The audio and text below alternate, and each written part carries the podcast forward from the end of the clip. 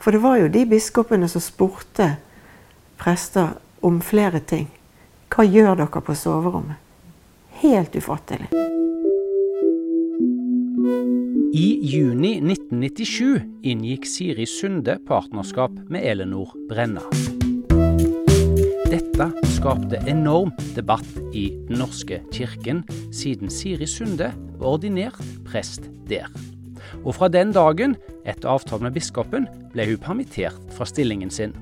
Permisjonen var for å gi biskopen, Rosemarie Køhn, tid til å bestemme seg for om hun skulle gå inn for å si henne opp fra stillingen, eller gjøre som Siri Sunde helst ville, få stillingen tilbake. Du hører på podkasten Skeiv historie fra Skeivt arkiv ved Universitetet i Bergen.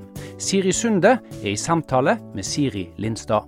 Og dette var jo i den tiden den, denne homofilidebatten virkelig raste i kirken.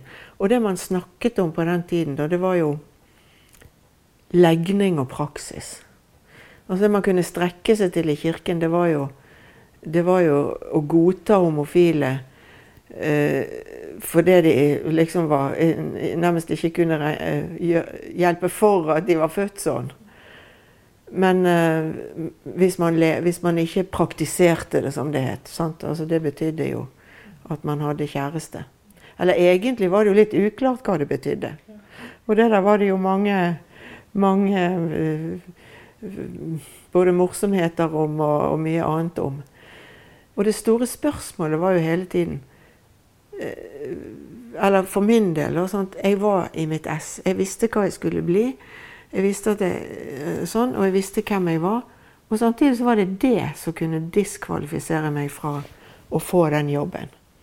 Og da var det jo liksom eh, Og vi, vi var jo unge folk. Vi ønsket oss jo en kjæreste. Alle. Som alle gjør, går jeg ut fra.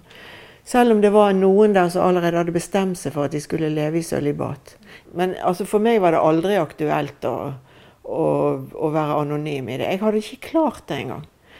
Eh, og, og i Blikk, jeg ble intervjuet i Blikk, og det var liksom plutselig mye på en gang. Og i Dagbladet og, liksom sånn.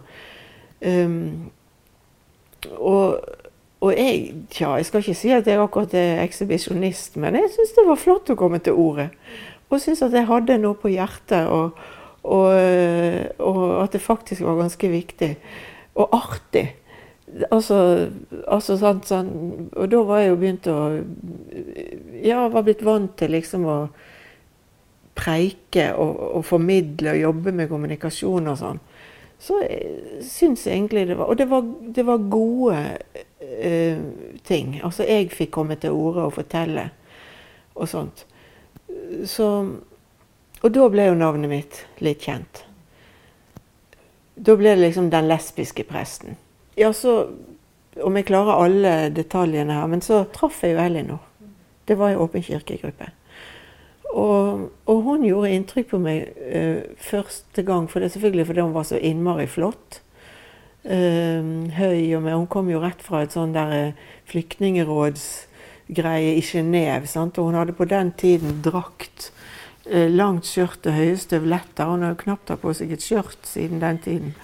Eh, høye støvletter og slank og, og, og, og utrolig flott, liksom. og sånn, sant? Så, men, eh, så det var nå utseendet. Men, men, før det så var det det at eh, det der Åpen kirkegruppen, vi hadde de gudstjenestene, så, så, ble jo alt gjort på dugnad. Det var jo et rom i homohuset som ble gjort om til kapell eh, hver fredag kveld. Og så hadde de sendt ut et sånt eh, brev rundt til flere, da. En liste med datoer på sånne såkalte kapellverter. Og så var det da og da og da, eh, og de og de og de gangene er ledig. Kan du? Og så hadde hun ringt og meldt seg. Ja, det kan jeg. Da kan jeg komme. Og det imponerte meg så voldsomt at liksom den der, eh, noen som meldte seg på, liksom, som bød litt sånn på seg sjøl og tiden sin og sånn. Og så når hun kom, så å ja, var det hun, ja. Jeg, ja så, så, det var jo litt sånn sterkt. Så var det jo, så var det, jo eh, det at jeg søkte jobb. Eh, og fikk et vikariat i Ringsaker. Og, og da, var det, da var, det, var det mye styr i kirken. Og, og Rose måtte bedyre overfor de andre biskopene og liksom sånn at hun hadde ansatt meg akkurat sånn som hun ansatte alle andre. Og, og, og jeg var singel. Det var jo da Vi hadde altså ikke vært sammen et år engang. Og partnerskapsloven var veldig ny. Ehm, den kom jo i 93. Og jeg fikk dette vikariatet i 95. Våren 95. Eller vinteren 95. Så ble jeg innkalt til, til biskopens kontor. Hun var der ikke, men det var en sånn såkalt stiftskapellan, en sånn rådgiverprest, som da sa det at uh, han måtte ha en uh, bekreftelse på at jeg var, var singel. Og at jeg ville være lojal mot kirkens ordning når det gjaldt uh, samliv. Og så sa jeg jo som det var, at det var jeg jo, singel. Og, og, sånn. Og så, og så sa han vi må ha det skriftlig. Og dette var jo Dette var jo noe som jeg Altså, jeg husker at jeg tenkte i løpet av noen sekunder at ja, det er jo null problem for meg. Skulle jeg være så heldig at, vi, at det blir snakk om partnerskap, så sier jeg selvfølgelig opp jobben. For du velger jo For det var det vi snakket om i den tiden når vi studerte. Å velge mellom kirken og kjærligheten, som vi kalte det. Altså, uh, altså fant vi, vi Vi regnet ikke med at det ville skje i vår tid. At vi kunne få jobbe sånn, og, og, og at vi måtte, kunne risikere å måtte stå overfor det valget. Og, og så jeg, jeg, tenkte, jeg, husker at jeg tenkte Jeg har skrevet om dette, eh, så derfor så husk, har jeg liksom rekapitulert det. Og jeg husker at jeg tenkte at dette egentlig var litt krenkende. For jeg var jo kvalifisert til det. Og hadde, Rose kjente meg, og jeg hadde sagt det. Eh, men at han måtte ha det skriftlig, liksom. Så, eh, men så tenkte jeg OK, det er selvfølgelig det er ikke noe problem. Jeg er aleine. Vi bodde ikke sammen. Og de var anstendige nok til å stoppe der. For det var jo de biskopene som spurte prester om flere ting. Hva gjør dere på soverommet? Helt ufattelig. Og, og, det, og Dagbladet spurte en, en, av biskopene, han er død nå, han er biskop Bergan, han var biskop i Agder, spurte, spurte han eh, Ja, men hva, hva kan de gjøre, da? eh, liksom, de må leve i de, må, de kan gjerne være homofile, men de, de, kan Ja, hva innebærer det, liksom? Og så gikk han på limpinnen. Så han begynte å svare. På, liksom, ja, de, kan de kysse, f.eks.? Altså liksom sånn. sant? Og så, jeg, tror, jeg tror overskriften ble 'tillatt å kysse', eller altså noe sånt. Det ble jo helt meningsløst. Men det var på fullt alvor. Og det minte jo meg litt om, om noe av barnelærdommen fra de kristne miljøene der det var sagt Det gjaldt jo alle.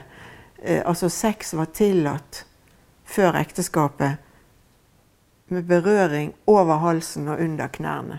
Det var liksom Så det var omtrent den stilen der. Så, så når jeg var der på Hamar, så skrev jeg Så, så hentet de Rosemarie Køen inn. Så skrev hun under, og så skrev jeg under på en sånn erklæring om at jeg var tilsatt, og at jeg var, var alene, og at jeg var, ville forplikte var lojal mot kirkens ordninger når det gjaldt samliv. Og dette ble jo da kunngjort på pressemeldinger, og liksom, derfor var det ikke noe problem å ansette meg. Og så var det en masse greier med kirkemøter og masse sånn, og, og, og hun ble jo veldig kritisert for at hun hadde ansatt meg. Og så, men så fikk jeg nå det vikariatet.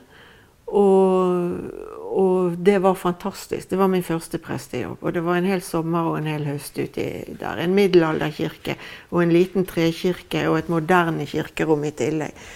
Og, og jeg preikte i vei, og, og det var Prøysenmarsj og Blåklokkeviku og, og, altså Det var helt Det var virkelig stort. Og Elinor var på besøk jeg bodde jo på hybel. Og ble, altså, jeg ble jo intervjuet som den lesbiske presten, og ryktet kom jo foran meg og sånn. Jeg ble veldig godt tatt imot da. Og, og, jeg fikk ros for min måte å være prest på. Og det var til og med mange som ikke bare Altså det var ikke det at jeg bare ble tålt. det var mange som aktivt syntes det var veldig bra, og som faktisk øh, altså Hadde jeg vært en elendig prest, så hadde det vel vært dumt. Men det var jeg jo ikke. Eh, altså at, om jeg var spesielt flink, men jeg var De fikk ikke, de tapte ikke på det. Men, men eh, det, var jo, det var jo noen som virkelig fikk vitalisert eh, kirke, sitt forhold til kirken. Så det var jo kanskje noen som ikke gikk i kirken når jeg var der. Men det var nok ikke så mange, for jeg var jo aleine. Så, så, men det var faktisk andre som kom til. Og så, eh, og så eh, Og når Elinor var på besøk, da, så, så ble hun også veldig godt mottatt. Og, og, og vi ble inkludert og, bedt hit og dit. så det var jo, var jo flott. Men dette var jo bare et vikariat. Og så, så Men når det, da, når det da det vikariatet tok slutt, og jeg skulle begynne å søke videre jobber, og forholdet vårt ble jo sterkere, og, og til vår store glede, selvfølgelig, sånn. så lå den der underskriften Altså, den plaget meg. Den lå liksom under der som en sånn vond. Og, og jeg tok det opp og jeg har eh, referater fra møter og liksom sånn der jeg prøvde å søke om å bli løst fra det løftet. Men Ja. Og så, og så, eh, så søkte jeg på stillingen etter Jeg fikk et nytt vikariat og flyttet til Torpa. Og så søkte jeg på den stillingen når den ble utlyst fast. Og fikk han ikke først fordi det var to søkere, og den andre hadde mange års erfaring. Men så tok ikke hun han. Og dermed så ansatte de meg uten å innkalle til noe nytt intervju eller liksom sånn. da, Så jeg, jeg, jeg fikk, noe, fikk stillingen da. Og så ble jeg ordinert til prest i Torpa. Og, og det var jo Og jeg hadde Altså, det var jo ja, det sto i, i Vårt Land så sto det 'Stor fest da Siri ble prest'. Og det var full kirke. Åpen kirkegruppe hadde leir på Haug... Altså de hadde leid Haugtun, et sånt leirsted i bygda der, der de var samlet for å feire. Og familien min var der fra Bergen. Ellen og sine foreldre. Det var første gang min far og Ellen og sine foreldre møttes. Noe han fortalte med stor fryd på kirkekaffen etter ordinasjonen, liksom, med biskoper og alle til stede og, og sånt. sant? Og, og, og greier. Og, og, så Og så ble det jo Ja, så var jeg jo prest der og vokste i alder og visdom, som det heter. Og så ble det jo snakk om partnerskap. Ingen husker nå hvem som fridde akkurat nå, men det ble liksom sånn neste sommer. Og, og jeg hadde jo en farmor på 89 år. Det var liksom det der med at tiden var moden, og de der tingene ble liksom veldig ullent. så Så og, men, men da sto jeg jo der med dette valget mellom kirken og kjærligheten, da. Og plutselig så, så, var det ikke sånn lenger at det bare var å si opp jobben. Men jeg sendte Jeg skrev oppsigelsen minst 20 ganger inni hodet. Jeg sier herved opp min stilling som kapellan i Nordre Land um, da jeg skal inngå partnerskap. Og så og, og så hadde jeg jo da avgitt ordinasjonsløftet som jo et, eh, det er jo liksom et løfte med håndtrykk og greier for Gud og mennesker. Og, så sånn, og lovet eh, Altså på en måte tatt imot Kirkens kall til å bli prest og, sånt, og var, var ordinert til å bli prest. Da sto, altså, jeg, jeg bare visste at jeg kunne ikke si opp. Og jeg kunne heller ikke si nei til Elinor. Og det var jo masse forslag fra folk som kjente oss. Hun kunne jo få seg hybel på eh, Nei, adresse på Lillehammer. Og så liksom ha bostedsadresse der. Og så bodde vi i praksis sammen. Og det kunne kanskje fungert utad, faktisk. Men det var aldri noe um, alternativ for oss. Vi var jo, Det var første gang noen av oss bodde sammen med noen. Og vi var jo ganske happy og ganske voksne. Og, og, og for meg Altså, jeg Hvis det er noe jeg ikke tror jeg har legning for, hvis det er noe som er legning, så tror jeg jeg har veldig dårlig legning for, for sånne hemmeligheter. Heldigvis. Jeg tror ikke jeg hadde klart det. Jeg hadde, hadde nok plumpet eller, eller Men selvfølgelig òg den jobben jeg skulle ha, der jeg liksom skulle forkynne kjærligheten ubetinget. Og så skulle jeg sjøl måtte, måtte lyge om mitt eget liv. Men jeg, det, er ikke, det, er ikke, sånn at jeg dømmer noen som har gjort det. For jeg, jeg, opplevde jo flere prester i Åpen kirkegruppe som var homofile, men, men ikke åpne. Og så hadde jeg en sånn tanke om at den hadde, altså, Det er et stort sånn univers, egentlig, eller landskap. og og en av de tankene, som, eller plassene som i det, er i det landskapet alltid, har vært at eh, når vi gjør det alle, alle, vil nok etter hvert glede seg med oss. For det at de må jo skjønne eh, Altså, hva er det for noe som er så eh, sant? Herlighet, jeg har vært i kirken fra jeg var liten. Jeg kommer ikke altså noen sånn skapsprenger liksom, som skal revolusjonere kirken. Jeg er døpt inn i det. Ehm, og, eller det var det jo jeg lærte i Berg og Torsken. da, Dåpen. Det er ikke bare det der personlige, følelses-, emosjons-, kristen et eller annet til enhver tid. Men jeg kan faktisk si at jeg, jeg ble døpt en dag, og det, det, er kanskje min største religiøse opplevelse til nå. Altså Jeg kan liksom hvile meg i det. da, Det er nok. Eh, og så, og så uh, Og det har jo slått til òg. Altså flere og flere har jo gjort det. Men det ble jo ikke så enkelt at alle bare vips gleder seg med oss. Så vi, så vi planla, begynte å planlegge partnerskapet. Og så um, begynte jeg å orientere min arbeidsgiver, altså biskopen, om dette. Jeg spurte aldri, men jeg orienterte om at jeg skulle inngå partnerskap da og da. Og jeg jo, var jo fortsatt liksom om dette med det løftet og ba om å bli løst fra, det og sånt. Men um, og, og, så 14 dager før partnerskapet så ble både Ellinor og jeg innkalt. Og de innkalte liksom hun òg til Hamar. Uh, til biskop Rose, da, og så hennes nærmeste rådgiver. Og det var ikke han som hadde eh, administrert dette løftet. Det var en annen, de, de var liksom to sånne som satt i hver sin etasje. Det er ganske viktig for denne sammenhengen. Og, og de prøvde å overtale oss til å, til å utsette partnerskapet. Eh, for det at eh, de trodde de, de, altså, de trodde at jeg var under press fra homomiljøet. Fra våre venner i Åpen kirkegruppe. Eh, så, for de fikk ikke det til å stemme liksom med eller særlig han jeg som var liksom en, et ordentlig menneske og en seriøs eh, teolog og eh, ordentlig prest, at jeg liksom kunne, kunne, gjøre dette. Så de trodde at det var Jeg sier jo på spøk at de trodde jo at det nærmest var sånn fornuftsekteskap som var arrangert av, av Åpen kirkegruppe for å bringe homosaken et skritt fremover. Og det var jo liksom to uker før eller noe sånt.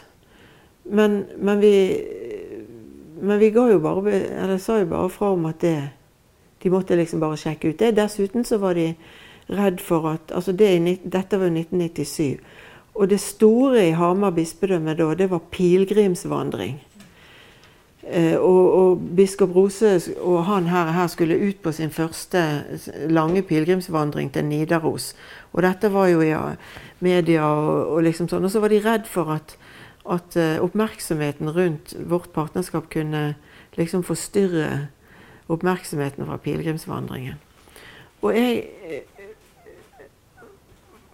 husker at jeg egentlig kjente at det var, at det var um, skremmende.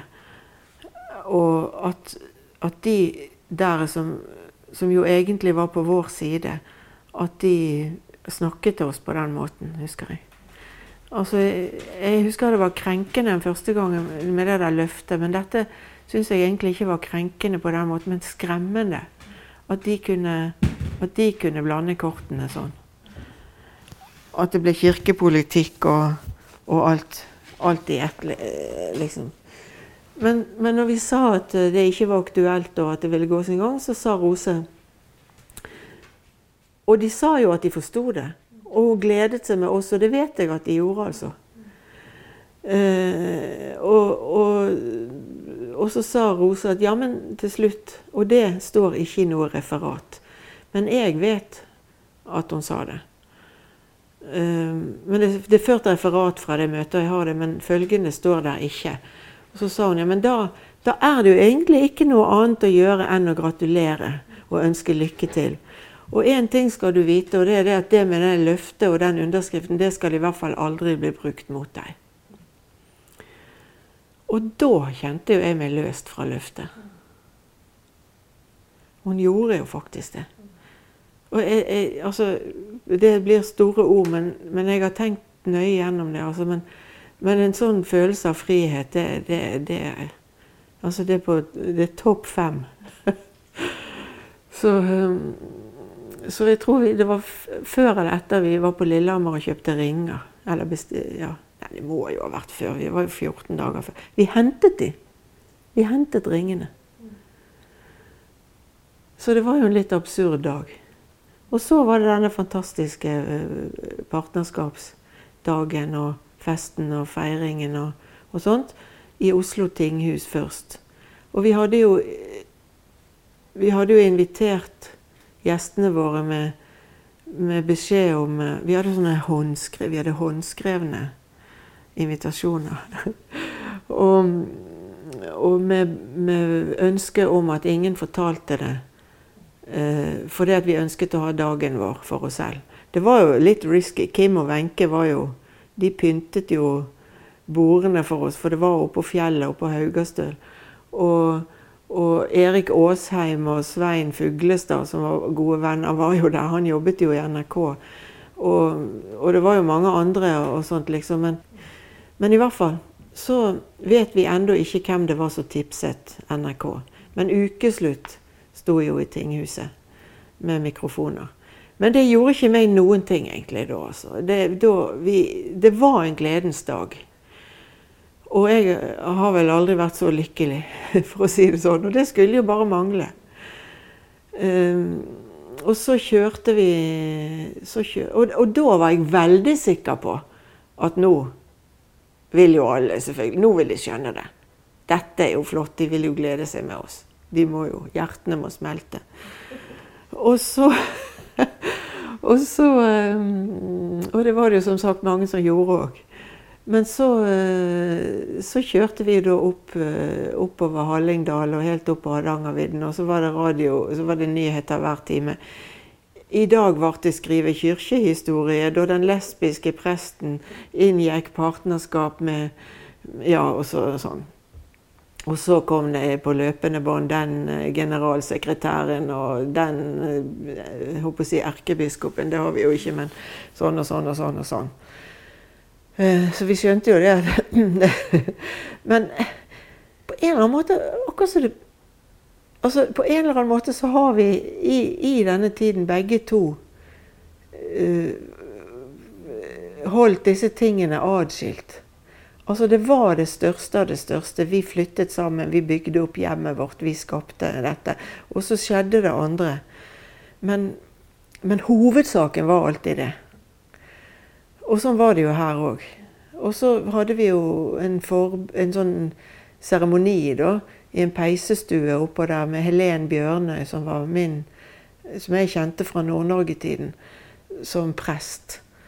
Og jeg hadde ikke tenkt på at hun kunne få tyn for det at hun gjorde dette. Men, det fikk, men hun hadde avklart det med sin biskop. Jeg er glad jeg ikke tenkte på det. Eh, for ja. Det er helt rart òg. Eh, at jeg ikke gjorde det. Men jeg gjorde ikke det.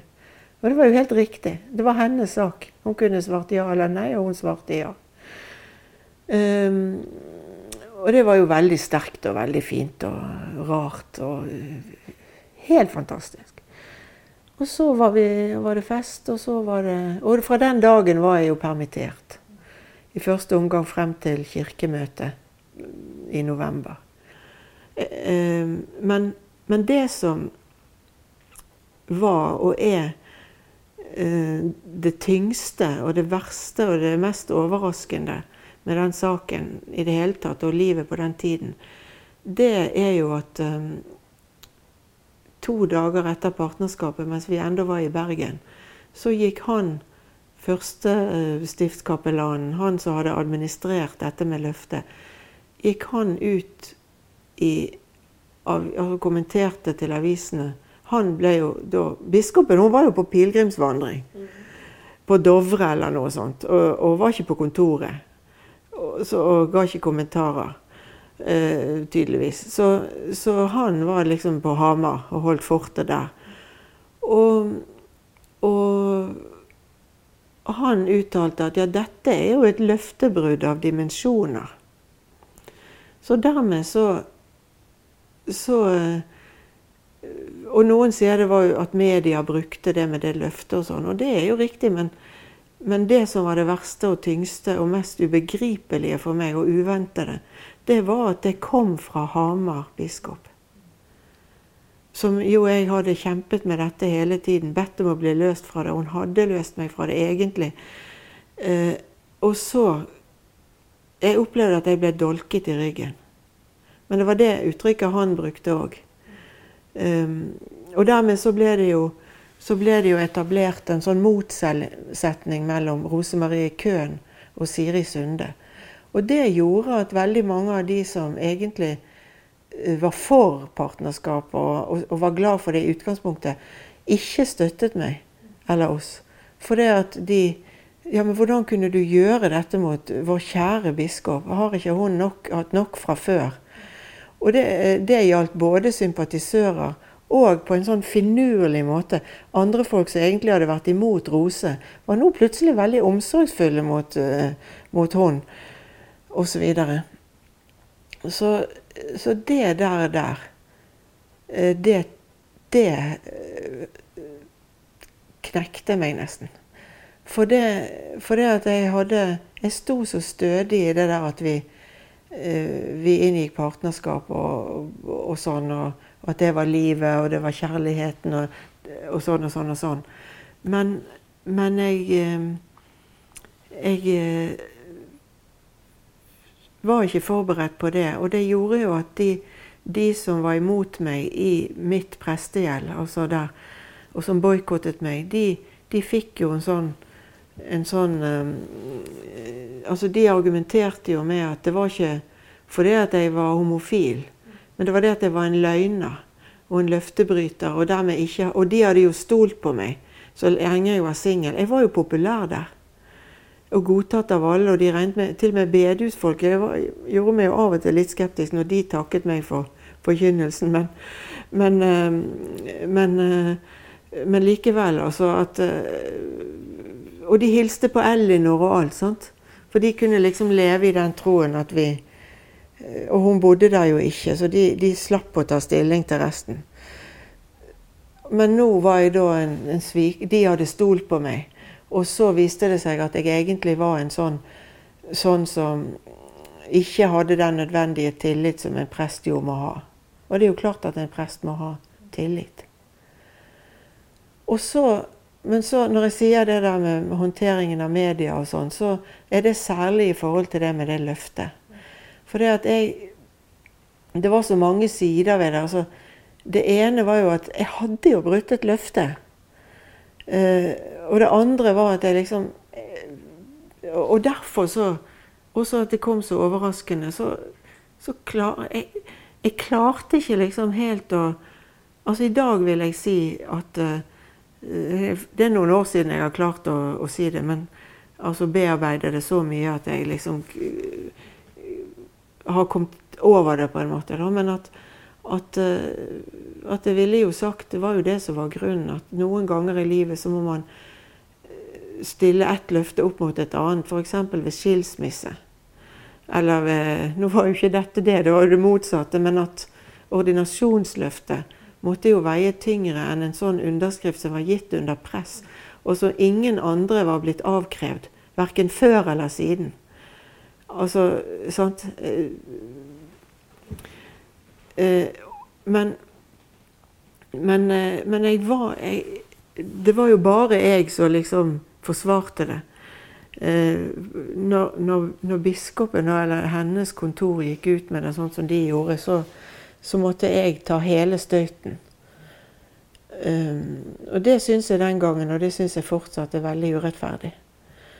Um, men, men, uh, men, så uh, Dette blir jo voldsomt langt, altså. Men, men så uh, Men så så ble det jo sånn at jeg Altså, jeg, jeg hadde jo jobb, for jeg var jo, jeg var jo fast ansatt. Jeg kunne ikke si meg opp. Og jeg var jo jeg var jo i kontakt med fagforeningene hele tiden, og sånn, men ingen hadde jo opplevd noe sånt før.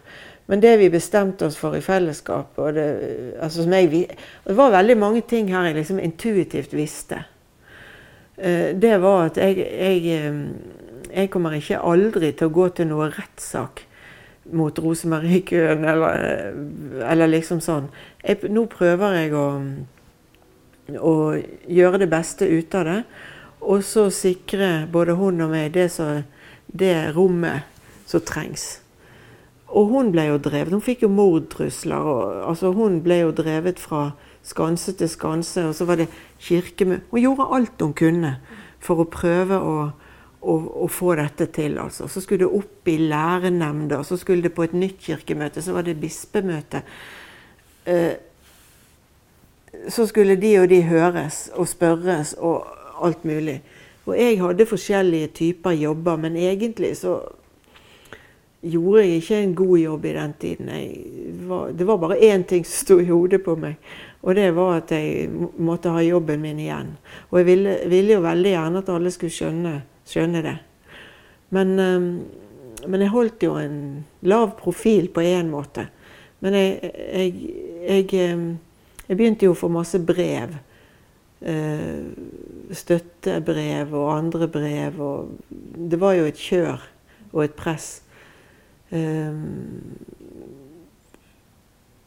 og så, og så, er det jo sånn fantastisk altså, Men vi prøvde jo jeg prøvde jo, vi prøvde f.eks. å gå i kirken i den permisjonstiden. Altså levde så, leve så normalt som mulig, eh, liksom. Men det var jo ganske hardt å være der med disse vikarene mine, da. Så, så bare kunne hankes herfra og derfra, liksom. Det er ikke så lett å få vikarer. Og, og en, en, gang så var det en som, som hadde, så hadde sagt at, til, til, til, biskopen at hvis Siri Sunde var tilbake, så kom han ikke. Men, men hvis jeg fortsatt var permittert, så, så kunne han komme. Og da var permisjonen utvidet, så han kunne komme. Men folk i bygda de prøvde jo å hegne om oss. Så Torpa menighetskor, et lite kor, som sang i ordinasjonen min og greier, de nye med, trengte nye medlemmer, så de ba meg være med. Og De sang jo av og til i kirkene, da. I både i Snertingdal og andre steder. Så, da, så, da, så jeg var i kirken når han preikte. Og det var liksom sånn om eh, vi må alle sammen være villige til å følge kallet, og til å gå uh, på ta de oppgavene Gud vil bruke oss til. Og, og vi må alle finne ut vi, vi, hvem vi er, og hva vi kan brukes til. Og sånt, sånt. Og det der rystet meg. Og, og, det som trøstet meg sånn, det var at damene spesielt, og det var jo mest damer i de korene, altså de var så rystet at de nedla forbud. Altså de boikottet. Begynte å boikotte. De kom ikke, de heller som skulle være på den måten. Da kom ikke menighetskoret. Og det er ganske sterkt, altså. Det var utrolig trøstende. Men det var ikke Og det var vel underskriftskampanje? Underskriftskampanje var det òg. De gikk fra dør til dør. Og, og, og, og, det var jo en gammel dame. Hun, hun serverte Nei, hun supple, sånn um, Sørget alltid for at jeg hadde, hadde sånne wienerbrød. Hjemmebakte wienerbrød i frysen og, og sånn. Og hun kjøpte seg ny kåpe. Um, uh, for det at den skulle hun ha når jeg fikk jobben igjen. Da skulle hun i kirken, og da skulle hun være der i ny kåpe. Og en som ble 103 år gammel, hun, eh, hun, eh, hun var 99 da vel. Hun, hun, var, hun var en av de som liksom passet på at, denne, at ikke hun ble glemt på den underskriftslisten. Og sånn. Og konfirmantene skrev under. De, dette oppdaget jo jeg seinere. Jeg fikk en studiepermisjon i 2014. Nei, 13 eller 14 der jeg fikk ryddet i alt dette fra den tiden. Brever og, og alt sånt. Jeg klarte ikke å ta alt inn. Men jeg så jo at tiende klasse, altså mine tidligere konfirmanter, hadde, hadde skrevet brev til biskopen. Og ikke bare bedt om at jeg måtte begynne igjen, og sagt at, at de som er konfirmanter nå, som nå går i niende, de savner hun, og vi vil at de skal ha en like fin konfirmanttid som vi hadde. Og hun er nesten som en mor for oss. og sånn. Men, men det, de, det, de, gjorde, det var jo at de ikke bare skrev sånn appellerende, men de begrunnet det med ja, med Skriften og Jesus og alt. Um, nei, ikke Skriften så mye, men Jesus sitt liv og den allmenne etikken og menneskerettighetene. Det er jo helt fantastisk. Og lærerne sendte brev. Og så dro de til Rose med alt dette. Altså, det, det, er så mange, det er så mange ting som skjedde at uh, kunne holde på i timevis. Um, uh, men så, og så ble det jo da til at hun bestemte seg for å si ja. Jeg var aldri i tvil om at hun mente det, men jeg var i tvil helt til dagen før om at det ville skje. For det presset Var jeg utsatt for et press, så, så tror jeg at det er betydelig mindre enn det hun var utsatt for, altså. Det, og jeg hadde jo Ellen, og vi hadde jo liksom det der livet vårt som var nummer én. Um, og så og noe av grunnen til at det drøyde så veldig, det var jo alle disse her uh, milepælene med uh, Permisjonen varte jo til sammen i ett og et halvt år og én måned. Uh, men, det, men det var òg det at hun bestemte seg for at hun ville ikke bare si Hun ville ikke bare velge en sånn minimumsløsning. Hun ville ikke bare si at ja, nei, altså blir det rettssak, så bli, taper jeg vel den, liksom. Så jeg ser ikke noen annen råd enn at vi får innsett henne. Men, eh, men hun ville levere en skikkelig begrunnelse. Og den fikk vi på Da hadde vi faks og Nei, da hadde vi e-post og greier. Den fikk vi på e-post. Eh, ikke jeg hadde, da, men Og jeg hadde ikke på kontoret heller, men Elinor hadde. Hun var litt foran meg på alt sånt. Uh, den fikk vi, husker vi fikk klokken åtte om morgenen samme dagen så det skulle være pressekonferanse på Hamar. For da hadde de sittet og jobbet den ferdig hele natten. Og det er et dokument som heter 'Tro mot sannheten i kjærlighet'. Som er altså et dokument som, som ikke kan overvurderes. Der hun leverer en utrolig god begrunnelse. Ikke bare for den saken min, men egentlig for alt. Og heller ikke bare homosaken, men i det hele tatt menneskesyn og, og etikk. På et utrolig godt språk. Uh, og jeg vet at jeg var konsulenter på det. Så, så um, Og så, vi, så, var det pressekonferanse på Hamar. Og, og, det var jo Det var en fantastisk dag. Og en fantastisk Det var en stor sorg for mange sant, i kirken. Og en like stor glede for veldig, veldig, veldig mange andre. Og veldig uvirkelig. Altså den første uken etter det. Og da Rosa hadde sagt til meg veldig strengt Jeg vil bare høre med deg noen dager før. For hvis du nå f.eks. er på randen av sykemelding Hun var jo nokså sliten og liksom sånn. Um, altså Hun sa vel nærmest at hvis jeg vurderte det, så ville hun ikke gjøre det. For det at uh, da er jo mye vunnet for, nei, lite ja, et eller annet sånt. Da er vi like langt, liksom. Nå er det, det er av eller på her. Så det var ganske klar beskjed. Og det syns ikke jeg gjorde noe. For det at, ja, jeg var sliten, men det var jo bare én ting jeg ville. Og det var jo å begynne igjen. Jeg hadde til og med meldt meg på et Hardangersømkurs på Dokka. For jeg liksom hatt lyst til å lære. Men, Men eh, så meldte jeg avbud eh, første gangen, da. Og så forsto jeg at eh, det må visst legges på is. Jeg har aldri lært meg fått lært meg. Men da ble det jo et vanvittig kjør. Én ting var full jobb med begravelser og gudstjenester og, og konfirmanter og alt mulig. Og den andre presten var sykemeldt, så plutselig hadde jeg hovedansvaret for 80 stykker og var liksom voldsom. Men men det var nå det. Men det andre var jo alt det andre som skulle takles. Altså media og, og, og alt kjøret. Og feiringen i Oslo, for ÅK ville jo feire. Og alle andre ville feire. Og det var liksom sånn, det var fakkeltog fra Rådhusplassen og, og til Vålerenga kirke. Eller kan det virkelig ha vært så langt fakkeltog? I hvert fall var nå gudstjenesten skulle være, Du må komme, du skal preike på gudstjeneste fredag kveld. Så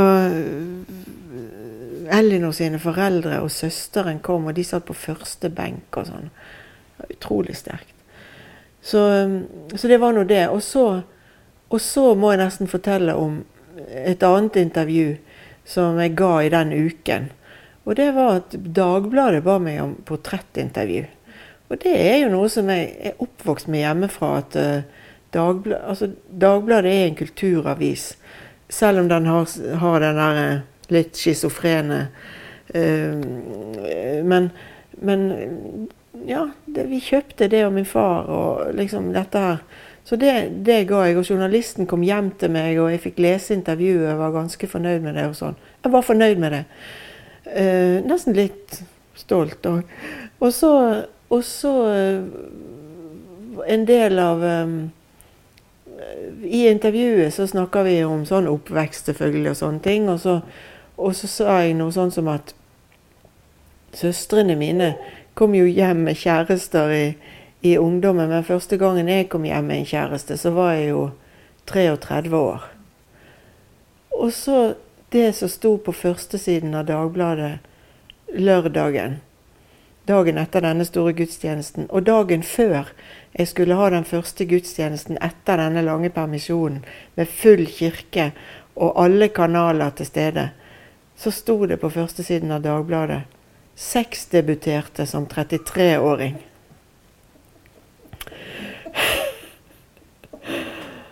Og vi var jo lykkelige uvitende om dette inntil vi kjørte til Dokka for å kjøpe, kjøpe, aviser og handle litt og sånn. Og det var umulig å få tak i Dagbladet flere på flere butikker. Var revet vekk. Og det var helt forferdelig. Altså, De har sauset sammen alt som var. Og den første som ringte meg, det var jo journalisten. Gråtende. For hun Dette er jo den såkalte desken. Og, og sånn, da. Nei, da, altså jeg, Og det der uttrykket med å ville synke gjennom jorden, det er bare fornavnet, altså. Jeg, det, det var, ja, jeg kan nesten ikke beskrive åssen det var. Og, og, det verste var jo altså, altså at, at, folk skulle tro at jeg uttalte meg om sånne spørsmål eh, på den måten. For det er jo det der som er så finurlig hele tiden. At, at, eh, det er livet vårt, og det er sak, og det er sånn. Men det er jo likevel ikke jo likevel ikke privatlivet du utleverer. Og vi ga aldri noen hjemme hos-intervjuer og liksom sånt. Men de, disse hadde jo da Ja. Så dette kom jo da til og med opp i pressens faglige utvalg. Via vår venninne Helen Bjørnøy som, som, som, satt der og sånn. Og, og det, var i, det, var debatt om det og her og nå. og det var liksom sånn. Og, og det kom en beklagelse i Tirsdagsavisen. Sånn, det var like stor som et frimerke omtrent, den beklagelsen og sånn. Det var helt forferdelig. Men så kom jo denne dagen med den første gudstjenesten, da. Men uh, det blir for langt hvis jeg skal gå inn på alt som var i den gudstjenesten. Men i hvert fall så fikk jeg en følelse Jeg husker den følelsen når jeg sto for alteret der med ring. At liksom Akkurat nå er livet mitt helt, husker jeg at jeg tenkte. Dette er et sånt øyeblikk nå er det ingen sånn hva hvis, og får jeg jobben igjen eller ei, og liksom sånn. Og, og, så var det en sånn sorg, sånn blåtone. av noe. For det, det var noen som ikke var der.